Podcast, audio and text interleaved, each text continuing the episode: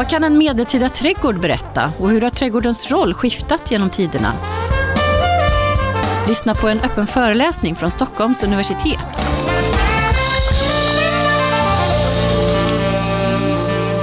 Välkomna alla till ett fullsatt Tranströmerbiblioteket. På spaning efter trädgårdens hemligheter är rubriken för dagens samtal. Och vi har bästa tänkbara gäster här idag för att lotsa oss igenom både medeltida jordlager och konsthistorien. Varmt välkomna Anna Andreasson Sjögren, doktorand i arkeologi och Katarina Nordin, professor i konstvetenskap, båda knutna till Stockholms universitet. Och dessutom så kommer vi som vanligt bjudas på fin läsning från bibliotekarie Max Edenborg. Och idag blir det poesi du bjuder på, eller hur Max? En Tranströmerpristagare till och med. Ja, dessutom det. Vi ser fram emot det. Eh, innan vi drar igång själva samtalet så tänkte jag göra en lite mer grundlig presentation av er båda, för ni har båda ett eh, digert CV.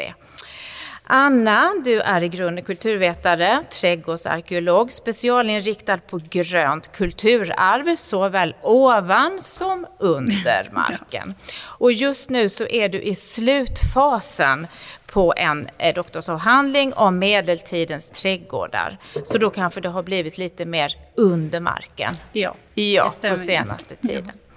Det här ska vi få höra mer om såklart. Du har också skrivit böcker om trädgårdsväxternas och trädgårdsodlingens historia och kyrkogårdshistoria. Katarina, din forskning är inriktad på historiska parker och trädgårdar, särskilt 1800 och 1900-tal. Här har du bland annat undersökt offentliga parker, Lars Israel Wahlman som trädgårdsarkitekt och inte minst har du forskat kring kvinnliga landskapsarkitekter. Eh, alldeles nyligen så öppnade också den stora trädgårdsutställningen på Nationalmuseum här i Stockholm, Konst och natur under sex sekler. Och läser man i den fina programkatalogen så har du skrivit en text där, Katarina, som handlar just om stadsparker. Och det här var också det du skrev om i din avhandling om offentliga parker i Sverige på 1800-talet. Just det. Ja, så med er samlade kompetens så kommer vi kunna täcka in trädgårdarna hela vägen från medeltiden fram till idag. En väldig lyx skulle jag säga. Men jag tänkte att ni skulle få börja med att definiera trädgårds, äh, trädgården som plats. När vi talar om trädgårdar, vad är det vi menar då? Hur ska vi definiera det här begreppet? Vad säger du Anna? Alltså, jag ser trädgården som en, en produktiv plats. En plats där vi framställer olika saker. Men det är också en, en skaparplats, en miljö. Och så här har det varit sedan medeltiden. Alltså även mina medeltidsträdgårdar är både och på något sätt. Um, och eh, trädgårdsodlingen är ju lite speciell, särskilt om man ser det brett.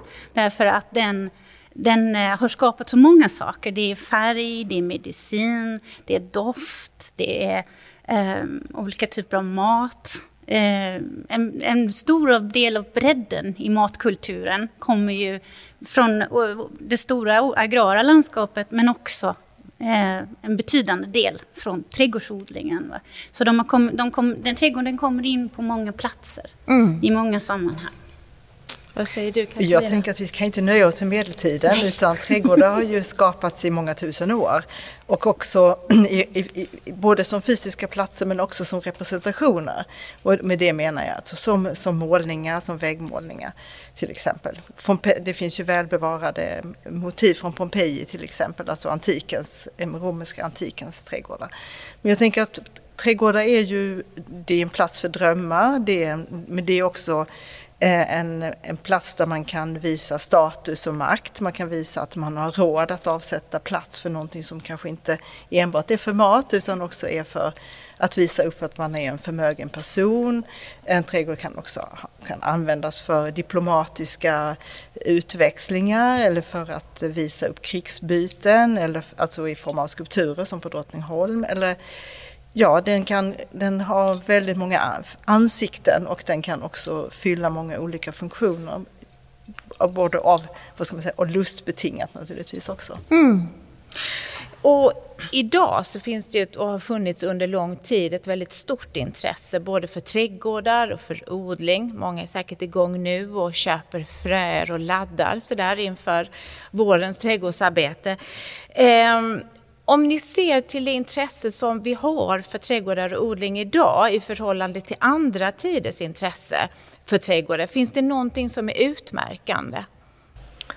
Så man skulle kunna se det på olika sätt. Man skulle kunna se det som att om man tittar tillbaka till eh, sent 1800-tal eller tidigt 1900-tal, att då fanns det från, vad ska man säga, från ett uppifrån perspektiv en syn på att trädgårdar var platser, det som skulle kunna ge människor mat naturligtvis, men också ett bättre liv och att trädgårdar och parker skulle kunna ge en bättre stadsmiljö eller det skulle kunna ge eh, friskare barn som ett exempel. Men idag så kanske det också i mycket högre grad kommer underifrån. Alltså att det finns ett eh, individuellt intresse som manifesteras genom trädgårdar och att det är också ett sätt att skapa att man kan få ut, utlopp för kreativa intressen i sin trädgård till mm. exempel. Mm.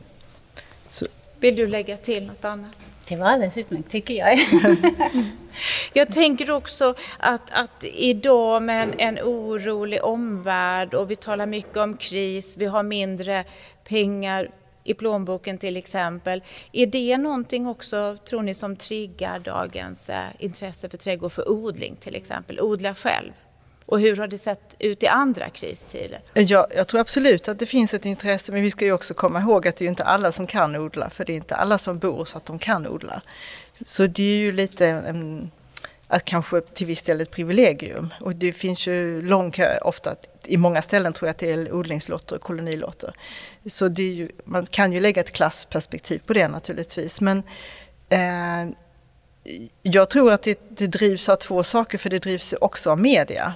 Alltså att media genom ett, ett radioprogram, tv-program, eh, genom många tidskrifter, så också dagspressen, så förs det fram, eh, alltså det matchar ju varandra på något sätt. Att eh, privatpersoner blir mer intresserade och man vill också få prova själv. Eh, för samtidigt så finns det ju en annan rörelse som pekar mot mer hårdgjorda ytor i trädgården och så, där man inte odlar eller man odlar i kruka och så. Mm. Ja, kontrasten är ju ganska stor. Mm. Men trädgård är ju också en viktig del i eh, den rörelsen som handlar om självhushållning och klim alltså som är väldigt miljömedveten och medveten om klimatförändringar och eh, när, närodlat och sånt. För det är ju också en, en ganska stor del av det handlar ju om trädgård. Och nu ser vi också närodlade blommor som växer fram. Alltså det finns nya marknader lite grann och sånt. Alltså, trädgården är, har ju alltid varit väldigt aktuell. Eh, det är alltså, mm. och Följt med sin tid. Följt med sin, och, och föränderligt liksom, mm. hela tiden. Eh, jag nämnde ju tidigare den här stora trädgårdsutställningen som pågår på Nationalmuseum. Eh, 300 konstverk tror jag det finns där. Eh, från olika tider, olika perspektiv på, på trädgårdar. Man blir påmind om trädgårdens dynamik och föränderliga natur. Att det här är liksom, det är en plats som hela tiden förändras på grund av årstider men också helt naturligt. Eh, och man påminns också, som du lyfte här tidigare Katarina, med det här med nytta och nöje och alla de olika användningsområden som finns för trädgårdarna. Eh, och jag gissar att de estetiska idealen har ju förändrats över tid, men just det här med nytta och nöje, är det här någonting som har existerat parallellt eller har det ena eller det andra varit mer liksom accentuerat under olika tider?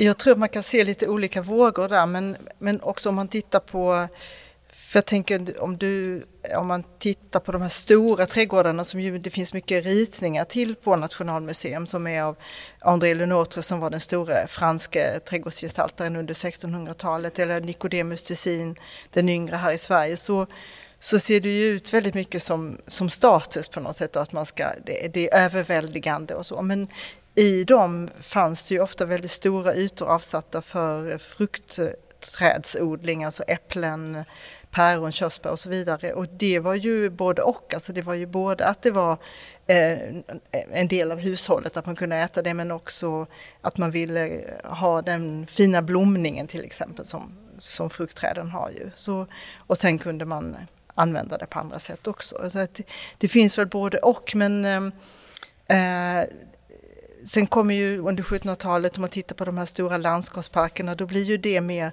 eh, ett sätt att, att gå ut och promenera i dem som känns lite friare och då, kan, då var det inte o, nyttoodling i dem utan då låg den separat.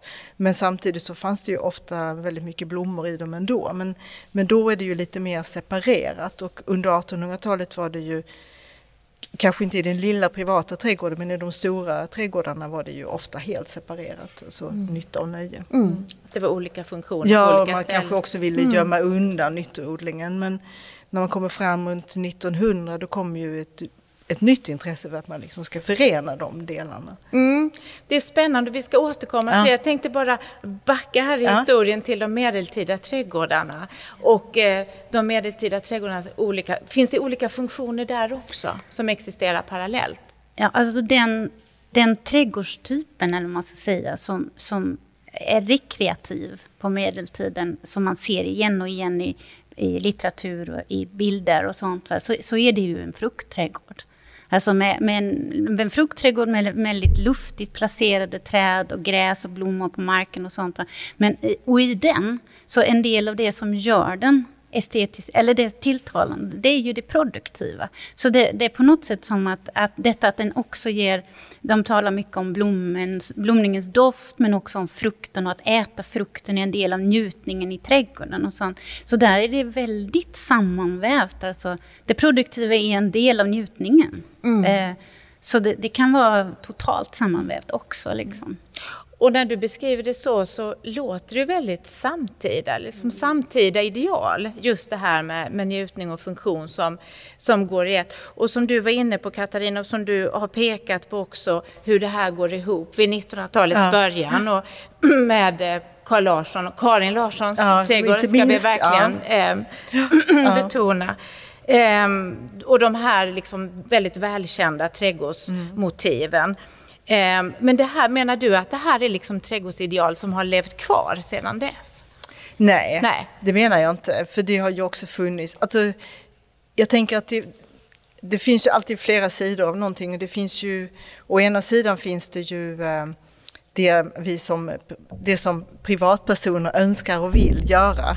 Men sen finns det ju också några andra ovanför det som styr gärna. Och det har ju funnits tider i Sverige till exempel när man tyckte att det behövde väl ingen inhemsk fruktodling, vi kunde väl importera all frukt lika gärna. Eller, det räcker med gröna och röda äpplen. Ja, mm. så, så jag menar det, det är någonting som har skiftat väldigt mycket. Och, um, om man går tillbaka i tiden, alltså ända fram till kanske nästan 1960-talet så var det ju väldigt vanligt att uh, patienter på mentalsjukhus till exempel arbetade i eh, trädgårdarna på mentalsjukhusen för att det var ett sätt att hålla dem sysselsatta men det var också ett sätt att låta dem bidra till, eh, till hushållet. Mm. Eh, och när folkskolan kom på 1800-talet så ingick ju skolträdgårdar i det så att barnen skulle ha en trädgård att arbeta i skolan och att man såg som att barnen genom att att barn fick möjlighet att odla så skulle de överföra det intresset på sina föräldrar. Och det är väldigt likt det man långt in på under stora delar av det sena 1900-talet i alla fall tyckte att eh, gällde kultur, att om man fick barn intresserade för kultur så skulle man överföra mm. det till deras föräldrar. Så det finns ju eh, politiska beslut också som ligger bakom mycket. Mm. Och då så småningom, eh, omkring i mitten av 1900-talet så kom ju dels ny medicin och, det, och, så tyckte man också att det var att utnyttja patienterna, att de arbetade gratis. Och då, så, då la man ner de här stora fruktodlingarna, fruktträdgårds och köksträdgårdarna som fanns på alla sjukhusen till exempel. Mm.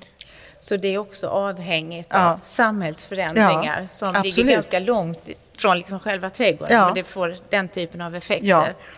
Eh, jag tänkte på det här med alltså, den avbildade trädgården som vi till exempel mm. ser då i Carl Larssons. Mm. Eh, målningar, otroligt vacker, som mm. konstverk i sig. Mm. Skulle du säga, eller ni säga, att trädgården är en egen konstart?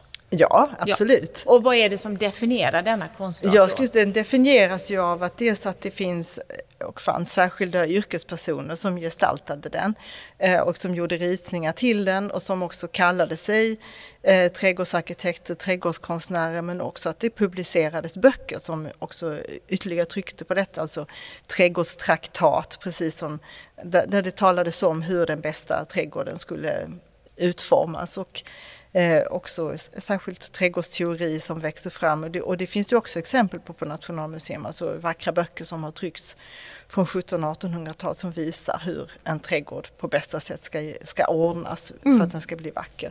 Så alltså, jag, jag tänker, alltså trädgårdskonst är inte konstverk i en trädgård eller konst som avbildar trädgård utan trädgårdskonst är en en egen konstart. Mm. I sin egen rätt. Ja. Mm. Håller du med, Anna? Um, med ett vitt konstperspektiv, om man tänker på hur konsten på medeltiden, kyrkokonst och sånt, så, så, så säger jag detsamma. Därför att trädgårdarna, eh, men, men eh, ja, med, med det förbehållet då att jag menar, saker och ting såg annorlunda ut på mm. medeltiden. Men, men de yrkes kunniga som anlade trädgårdar. Alltså det estetiska och doft och skönhetsperspektivet eh, upptäcker man ju just när det gäller rekreationsperspektiv och sånt. Och det, det var hälsosamt. Mm. det var liksom det, viktigt. Det finns ju också den här kopplingen till paradiset. Alltså. Ja. Just det, som, hela paradismyten Ja, också. och som ja. ju också faktiskt är grundat i eh, också i arabiska trädgårdar. Alltså den här kors, alltså det är fyrarm, alltså en indelning i fyra kvarter och fyra eh, Alltså bildas som ett kors med vatten som rinner igenom och som ju man kan se i Spanien till exempel i, Mo, i resten av de moriska trädgårdarna. Och som, så det finns ju ett väldigt långt arv där alltså mm. av eh, också att eh, och jag tänker det finns ju många, alltså ända från antiken att också på något sätt smycka dem och jag tycker också man ser det genom att eh, trädgårdsmästare och eh, under lång tid också kunde ha en lön som var mycket högre än vad till exempel en arkitekt eller en ingenjör eller en, en på ett gods till exempel än vad en, en annan jämförbar yrkesgrupp hade. Att de fick ett eget hus och så. Så att den där statusen är ju väldigt eh, mm. tydlig. Ja. Intressant. En, en, sak som bara slog mig, trädgårdskritiker, finns det? Jag tänker det finns konstkritiker, men trädgårdskritiker, om då eh, trädgården som en egen konstart. Alltså det finns ju um,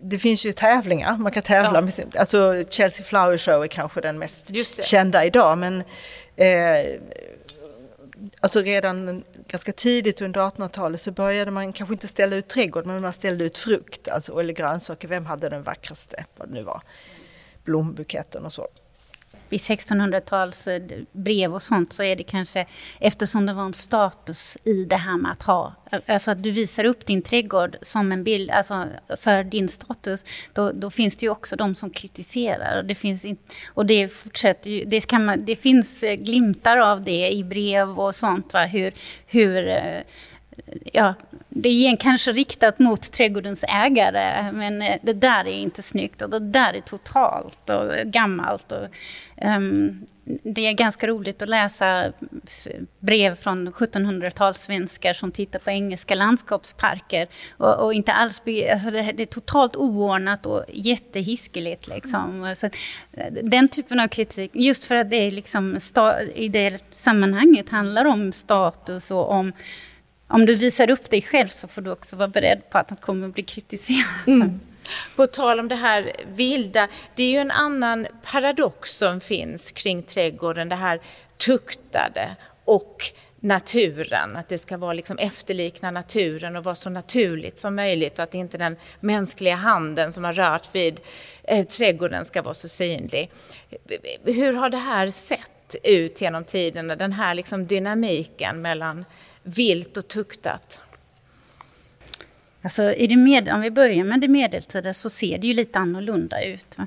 Därför att eh, naturen, vildmarken, eh, var, om man läser eh, medeltidsromaner från 1300-talet till exempel, så är vildmarken är någonting som är väldigt närvarande och de rör sig genom den eh, på sina äventyr och sånt. Va? Och ibland kommer de fram till en fantastisk glänta en locus amoenus som är perfekt, de har vacker källa och så vidare. Men de är på något sätt anomalier liksom i det.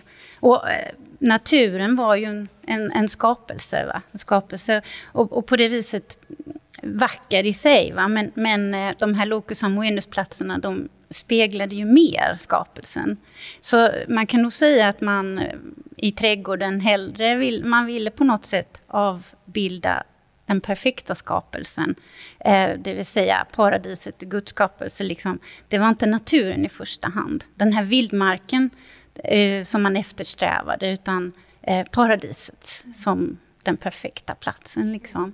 Eh, men det förändras ju på 1500-talet redan kan man ju se då hur, hur eh, ja, Nej, men jag tänker att nu pratar vi ju från ett europeiskt perspektiv, ja, men det finns ja, ju också asiatiska oh, trädgårdar till, till, exempel. Alltså de kinesiska med de, också med de stora jaktparkerna eller de japanska trädgårdarna som också har en månghundraårig kultur som um, ju också är en del i, um, i religionen.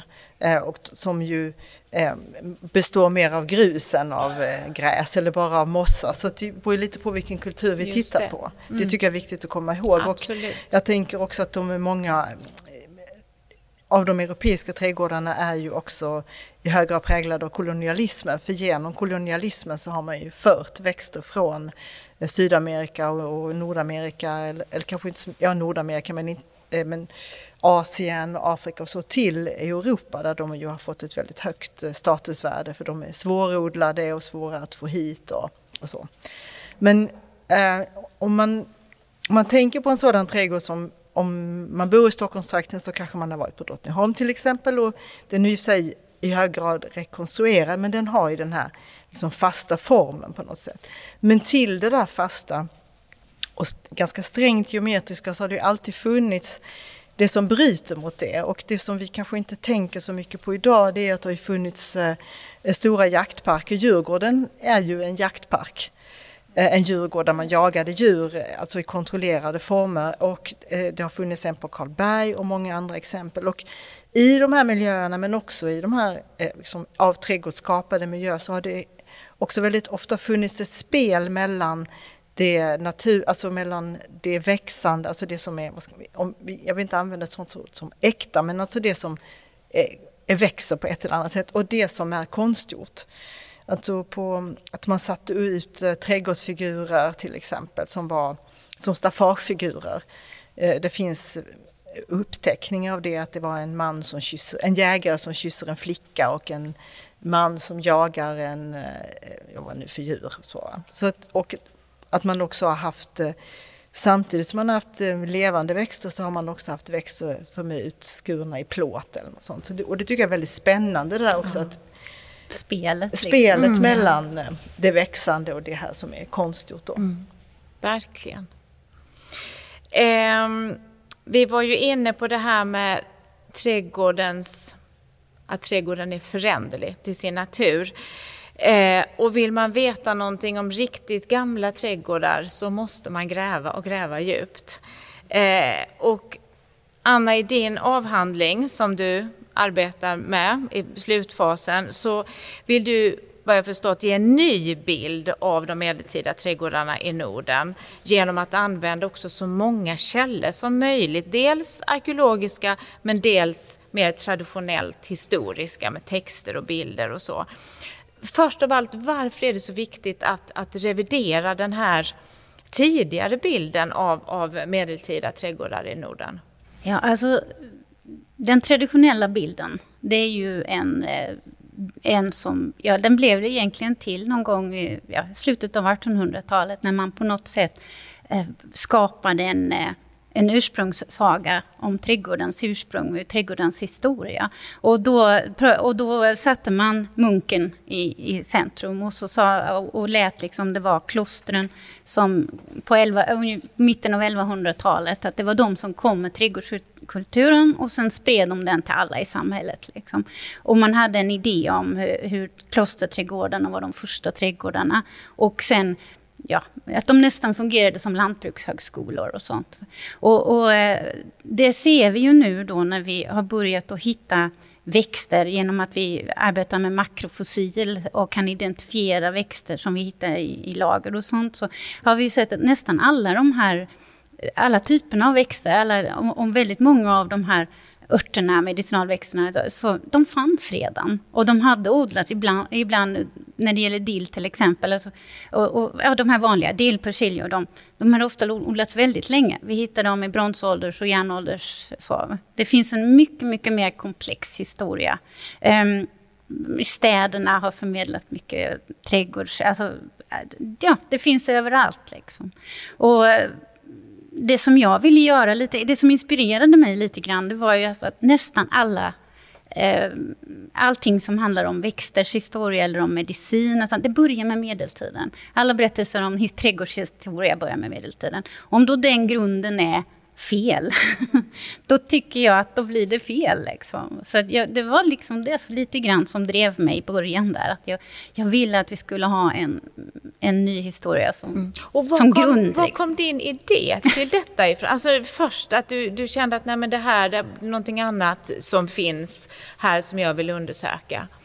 Alltså det här hade ju pågått ett tag med att de här, alltså den, det hade vuxit fram under en, ganska några decennier, det här med, med att eh, makrofossil och att man hade börjat... Liksom, det Så det är nya upp, metoder ja, det är som möjliggör? Ja, mm. det kan man nog säga. Ja, och det är just ja, att, man, att man började upptäcka att det... Och sen eh, så började man också förstå att hittar många lämningar efter gamla trädgårdar i städer. Och det visade sig att stadslämningarna som vi hittade var äldre än de, de första klostren i de miljöerna. Och då, då börjar man liksom misstänka, ja men kom trädgården med städerna då? Och stadskulturen. Och, och, delvis är det, det är ju en del av det också, men och så blir det ännu mer komplext när man började titta runt omkring och hitta mer, ju mer material vi hittar, det, alltså arkeologi är ju en, eh, det växer långsamt, eh, men det växer stadigt mm. eh, som källmaterial. Och ju mer vi forskar, desto mer upptäcker vi ju att det här är väldigt mycket mer komplext mm. än vad man trodde då tidigare. Vi pratade ju inledningsvis här om, om det stora allmänna intresset för trädgårdar, odling och så. Är det här någonting som märks också inom akademin? Att till exempel trädgårdsarkeologi eller intresset för trädgårdar har blivit större och trädgårdsforskningen har fått en annan plats? jag skulle egentligen vilja backa till 1990-talet faktiskt. Ja, det får du. Ja, för att eh, då kunde, alltså, då, då var det på lite olika ställen i landet eh, och lite oberoende av varandra så började det ske ganska stora förändringar. Det kom fler och fler personer som ville skriva sin avhandling på något sätt eh, med inriktning på trädgård och, och både, alltså både i, i landskapsarkitektur, i, som hortonomer men också som konstvetare i etnologi eh, och också engelsk litteratur, många olika. Och det bildades också sammanslutningar eh, och det fanns ju ett jättestort trädgårdsintresse Ja, från mitten av 90-talet ungefär och framåt. Det var väldigt mycket eh, Konstakademin hade stora föreläsningsserier om trädgårdshistoria. Vi hade en kurs på universitetet om trädgårdshistoria. Eh, och eh, det fanns ett väldigt, väldigt stort allmänintresse då. Så att, och samtidigt så, precis som du säger, att då började också på nytt, eller då började arkeologi också intressera, alltså det började göras grävningar, kanske ja, för att man ville veta mera. Och tidigare var det så att när man arbetade som arkeolog så letade man inte efter trädgårdar utan man letade efter andra saker. Mm. Så det var ju ett nytt sätt att gå in i materialet. Mm. Ja, vad jag har förstått Anna, så det ni tittar på det är lite grann jordar som tidigare slängdes undan eller inte liksom undersöktes? Inom just stadsarkeologin, så, och även, men också när det gäller kloster, kloster och alltså borgar som är utgrävda tidigt, kanske i början av 1900-talet och så, då, då är det ju så att man har, man har ju sett att det var tjocka bruna lager som var homogena och sånt, men man har inte inte kunnat liksom, eller ja, de, var inte, de har tänkt på dem som kulturlager och sen som inte kunde ge så mycket. Och så har man schaktat bort dem och gått ner på lämningarna under liksom, som var murar och sånt som var tydligt och handfast. Va? Och nu börjar vi inse att ja, men de där, det är antagligen, mycket av det kan ha varit just trädgårdsjordar till exempel. Alltså trädgårdsjordarna ser ut så. Vi är väldigt homogen, alltså homogeniserade genom lång tids regelbunden bearbetning. De innehåller ofta mycket skräp, eller det man kan kalla skräp då, det vill säga benbitar och hushållsavfall av alla möjliga slag och keramikbitar och sånt. Och det beror ju på att de gödslades med material från gödselstan och där hamnade ju allt skräp, eller där, där hamnar mycket. Ibland är det faktiskt sorterat, men, men mycket av det hamnar sen ute på jordarna. Så eh, när det gäller vissa kloster till exempel, så har man, även om man har grävt inne på klostergården noga, så har man varit fascinerad av att det var så mycket skräp i jorden. Och då har man haft idéer om att, ja, man, att man kanske hade skräpupplag där och sådana saker. Va? Men antagligen är den enkla förklaringen att det är trädgårdsjord och trädgårdsjorden innehåller mycket sådana delar. Mm. Och Därför. intressanta fynd. Ja, massa, ja, ja, precis. Alltså alla fynd, de fynden kommer ju från de hushållen som odlar. Mm. Men problemet är ju då att en odlingsjord kan brukas i 200-300 år. Va? Och då har vi alltihop blandat liksom. Mm. Där kan man ofta se en skiktning och sånt, så man kan ändå undersöka, mm. men, men, men det är oftast väldigt mycket tider hopblandat. Mm. Och hur långt bak i historien kan du nå? Alltså det här är en tid ändå som tog slut för ja. bara 500 år sedan. Då vill jag ju tipsa om vår bok, den första delen i trädgård, svensk trädgårdshistoria, för det finns ju ett kapitel som faktiskt börjar med stenåldern. Eh, och, eh, och tecknar egentligen för första gången på ett samlat sätt av Jens Heimdal. Eh, eh, hur trädgårdsodlingen såg ut från bronsåldern och, och fram, och stenålder, bronsålder framåt. Liksom. Och där kan vi se också hur det den verkar framträda nu när vi har börjat få lite mer makromaterial och sånt. Att det finns vissa perioder, bland annat under bronsåldern, när det kommer in mer växter och sånt. Alltså trädgårdshistorien har blivit väldigt lång. Mm. Um, kan man säga någonting om sådär, de viktigaste fynden?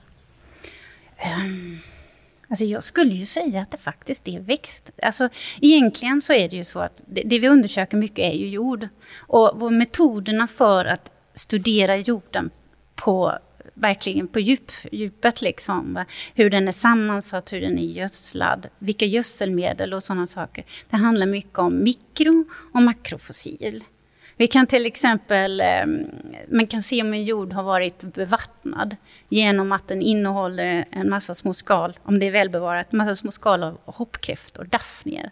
Där, och de, de bildas då i stillastående vatten.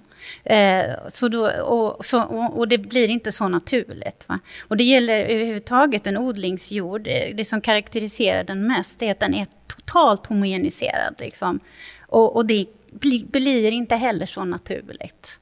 Eh, sen kan det vara svårt att skilja eh, åkerjord från trädgårdsjord ibland. Men det gör man då på de här små beståndsdelarna. Vilka, makro, vilka, eh, vilka typer av... Är det mycket hushållsavfall? Oftast är det just det där som karaktäriserar trädgårdsjorden från... På åkerjorden har man inte använt hushållsavfallet på samma sätt. Mm. Är det massor av hushållsavfall, då är det nästan säkert trädgårdsjord. Till exempel då. Och just det här att man djupstuderar eh, jordarna på det sättet och ser dem som en artefakt. Mm. För det är ju det de är. De är ju verkligen någonting skapat. Och, och många gånger någonting som man bevarar. Alltså, det här när man väl har lyckats få till en väldigt bra produktiv odlingsjord med, med rätt luckerhet och rätt eh, näringshov. Då är, det är ju någonting som fortsätter att användas länge. Och det är ett av våra problem egentligen med medeltiden, för väldigt många av de där jordarna har fortsatt användas långt in i, alltså långt fram i tiden. Ja, så det har blandats En anledning till att vi mest hittar 1500-1600-tal kan vara att man fortsatte använda det medeltid och därför syns det inte så väl. Mm. Liksom. Mm. Så många trädgårdar har en väldigt lång kontinuitet. Mm. Sen finns, ja. Mm. Jag tänker Katarina, nu har vi hört så spännande här om, om, medeltiden och medeltiden är ju också en tid som har fortsatt att inspirera mm. längre fram i tiden och, och, de tider som du har intresserat ja. dig för, eller hur? Ja, man kan säga i början av 1900-talet så började man tycka att 1800-talets eh, så här, hortikulturellt färgstarkt inriktade trädgårdar och parker med ett väldigt så Eh, Eh, ofta svårhanterligt och exklusivt växtmaterial som inte riktigt tålde det svenska klimatet. Eller det gäller stora delar av Europa. Det började man tycka var helt obsolet, alltså att det var föråldrat, man tyckte det var fult. Och i, så redan i, ja, i England till exempel kan man ju redan i mitten av 1800-talet se ett stort intresse för medeltiden och det intresset finns ju i Sverige, inte bara inom när det gäller trädgård utan också när det gäller arkitektur och så, att arbeta. Eh, det är också en slags eh, kritik mot industrialismen, alltså mot eh, det maskinellt tillverkade. Man skulle se handels avtryck och då kan man se att det finns ett stort intresse för medeltidens trädgårdar. En sån arkitekt som Lars Israel Wahlman, han skrev till exempel om medeltidens trädgårdar, hur han såg på dem, att de hade en formell struktur som han, så som man då uppfattade dem. Alltså. Eh, så att ehm, det dyker upp där som, som ett motiv, alltså att man skulle försöka, och både han gjorde så här gräsbäddar som man skulle kunna sitta på som anslöt också till konstverk från medeltiden och så. Så det fanns ett stort intresse. Mm. Ni har så spännande forskning båda. Jag skulle vilja bara lyfta en del som du har varit inne på Katarina, också intresserat dig för, nämligen kvinnliga pionjärer bland svenska trädgårdsarkitekter eh, vid 1900-talets början där då trädgården blir en plats, en möjlig plats för kvinnligt förvärvsarbete. Just det. Eh, kan du berätta bara ja. lite kort, för jag har förstått att detta är något av ett arkeologiskt arbete också ja. för dig, för ja. de har inte varit så omskrivna. Nej. Det är så att alltså, i slutet av 1800-talet, vi kan bara lite snabbt säga, alltså, då bör, finns det ju radikala kvinnoorganisationer, eh, Fredrika Bremer-förbundet bland annat. Och kvinnorna är ju väldigt eh, måna om att eh, kvinnor ska inte bara få rösträtt utan att de också ska kunna verka eh, eh, i, i olika professionella yrken. Och om, i början, omkring 1900 så tycker man inte att det räcker med att kvinnor blir sjuksköterskor och lärare utan man måste bredda sig. Och trädgården blir ganska tidigt ett fält. Och då så kanske till en början att man tänker sig att kvinnorna ska arbeta som lärare i trädgårdsskötsel för barn till exempel eller man ska arbeta som trädgårdsmästare. Men det växer också i början av 1900-talet fram en grupp med kvinnor som arbetar professionellt med att gestalta, att rita trädgårdar och parker. Och vad som är gemensamt för dem det är att de, eh, att de alla är utbildade utomlands. De, eh, framförallt i Danmark, England, Tyskland. Eh, och där gick de på skolor som var inriktade bland annat för, bara för kvinnor, att de skulle kunna utbilda sig. Som det fanns en skola i England som hette Horticultural College for Women och där gick eh, bland annat Rut Brandberg som var en av de allra första. Som hade haft Selma Lagerlöf som lärare i Landskrona, så det finns en väldigt spännande historia kring det. Så att, eh, och de, en annan är Ester Claesson som hade en väldigt lång utbildning bland annat från Tyskland, Wien och Eh, Tyskland under ganska lång tid och eh, de lär sig då att rita trädgårdar, att göra ritningar till det men också att gestalta det. Då. Och de, vad som är utmärkande för dem det är att de i princip alla drev sitt eget kontor. Så de var inte anställda i, inom eh, parkförvaltningar eller inom offentlig förvaltning utan de hade sitt eget kontor. De flesta verkade här i Stockholm. Många av dem hade utvecklade samarbeten med arkitekter. Rut Brandberg ritade i princip bara sjukhusparker, eller inte bara men hon ritade mycket sjukhusparker. Ester Claesson eh, ritade trädgårdar åt eh, en kulturell och ekonomisk elit. Eh, Hjalmar Branting, eh, Maurits Stiller, eh, vad ska vi med? Ja, så. Mm. Eh, men de är ju väldigt lite omskrivna idag. Mm. Och en kulturgärning från det att lyfta ja, upp dessa ja. kvinnor. Hur kommer det sig att de har varit så bortglömda? Alltså det är ju så att det fanns, man kan väl säga, det är lite svårt att förklara egentligen, men inom, eh, inom akademin så talar man ju mycket om, har man gjort under de senaste tio åren, om historiografi och med det menar man att det har vuxit fram vissa sätt att, att skriva om historien. Mm. Och då så trädgårdskonst och landskapsarkitektur har lite fallit mellan stolarna.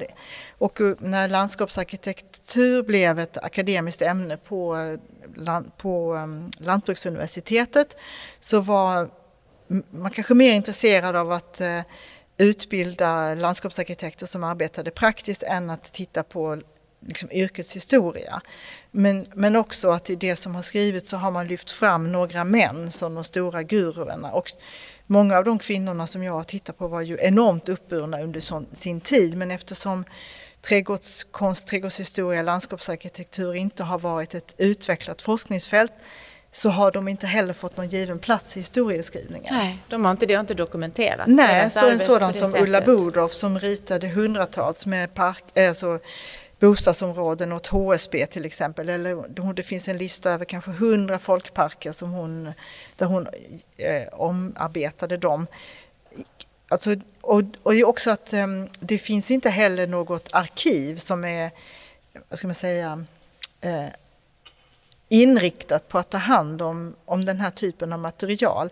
Och utmärkande för de här kvinnorna är också att de var inte, med några få undantag, inte gifta. Det fanns alltså ingen familj som kunde ta hand om deras efterlämnade arbeten. Eh, hela kontor har bara slängts för att man har inte tyckt, det har inte funnits någon som kunde ta hand om det. Och de har då på något sätt också sorterats ut ur historieskrivningen. Fram tills nu? Ja. Mm. Eh, Tack båda så länge. Vi ska få höra en liten läsning nu från Max som ska läsa en dikt av Louise Glück som fick Nobelpriset i litteratur 2020. Varsågod Max. Dörröppningen. Jag ville förbli som jag var, stilla. Som världen aldrig är stilla. Inte som vid midsommar, utan stunden innan den första blomman formas. Stunden då inget ännu är det förflutna. Inte midsommar, berusaren, utan senvåren.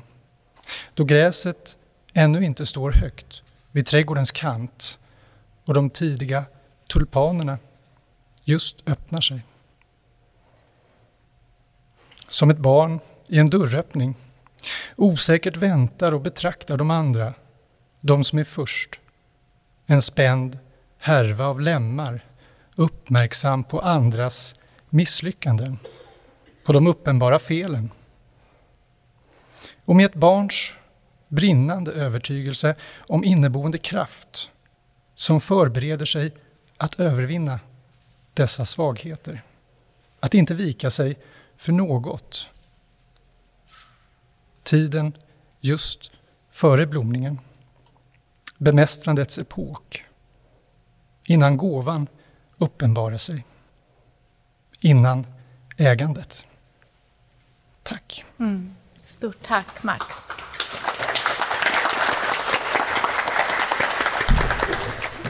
Hörni, jag tänkte att ni avslutningsvis skulle få lov att dela med er av ett trädgårdstips någon älsklingsträdgård, en verklig sådan eller en fiktiv sådan? Jag gissar att ni kanske har många att välja bland. Vad säger Katarina? Um, ja, jag har ju många som, där som jag tänker på. Um, en är Eftersom jag är från Skåne så kanske någon skulle tro att jag skulle säga Sofiero, men jag säger Krapperup som har en så otroligt vacker park som är också generöst öppen för allmänheten utan att det kostar någonting. Och det, bara det tycker jag är fantastiskt. Sen eh, tycker jag väldigt mycket om eh, eh Marabouparken i Sundbyberg.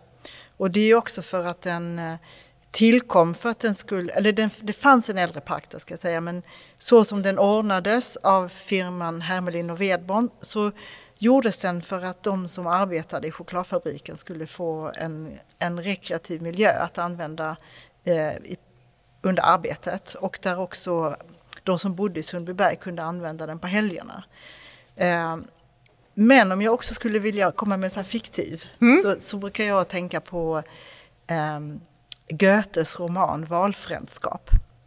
Och i den romanen så skapas bland annat en engelsk park, och den, alltså en landskapspark. Och den blir som en huvudperson tillsammans med det här kärl, eller det, vad ska man säga, det är ju nästan som en sån här menage jag tror det är ett gift par som sen delar på sig och så kommer det in en annan kvinna. Men just att, att parken också blir en så viktig del av romanen, så att den spelar med där i hela, ja det tycker jag är fantastiskt. Utmärkt. Stort tack. Vad säger Anna? Jo, alltså innan jag började doktorera så arbetade jag under en period med eh, programmet för odlad mångfald. Ett enormt insamlingsprojekt som syftade till att rädda en massa växter eh, som fanns kvar ute i folks trädgårdar men, eh, och där man visste hur gamla de var och sånt. Men som riskerade att försvinna. En stor genetisk bredd rent praktiskt sett men också mycket berättelser och mycket information. Och de här växterna har börjat komma ut på marknaden igen.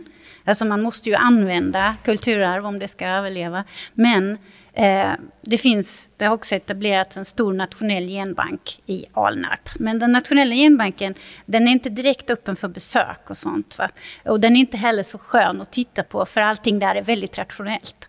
Men alla de här växterna finns också som eh, i klonarkiv, regionala kronarkiv ute i landet. Och där har man då hittat platser eh, i alla olika i landskap. Så att eh, om man vill se Skånes äppelsorter och sånt, så klonarkivet för Skåne är Fredriksdal i Helsingborg till exempel. Men sådana klonarkiv finns då på alla möjliga ställen. Så vill man till exempel se alla äppelsorterna från sitt landskap växandes naturligt um, och, få, och så, då ska man åka till dem.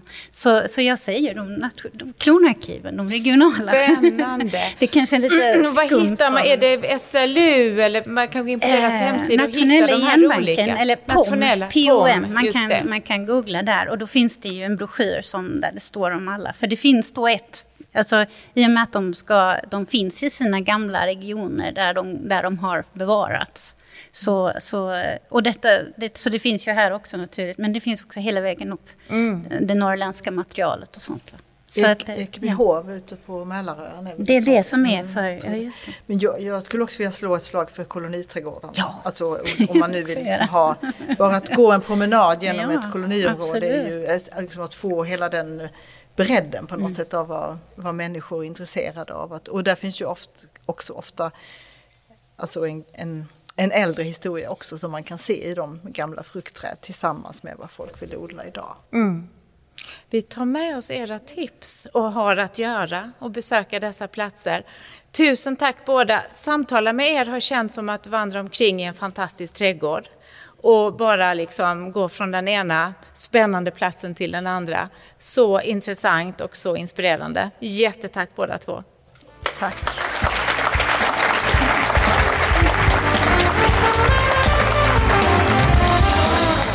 Du har hört en öppen föreläsning från Stockholms universitet. Du hittar fler poddar om forskning och vetenskap på su.se poddar.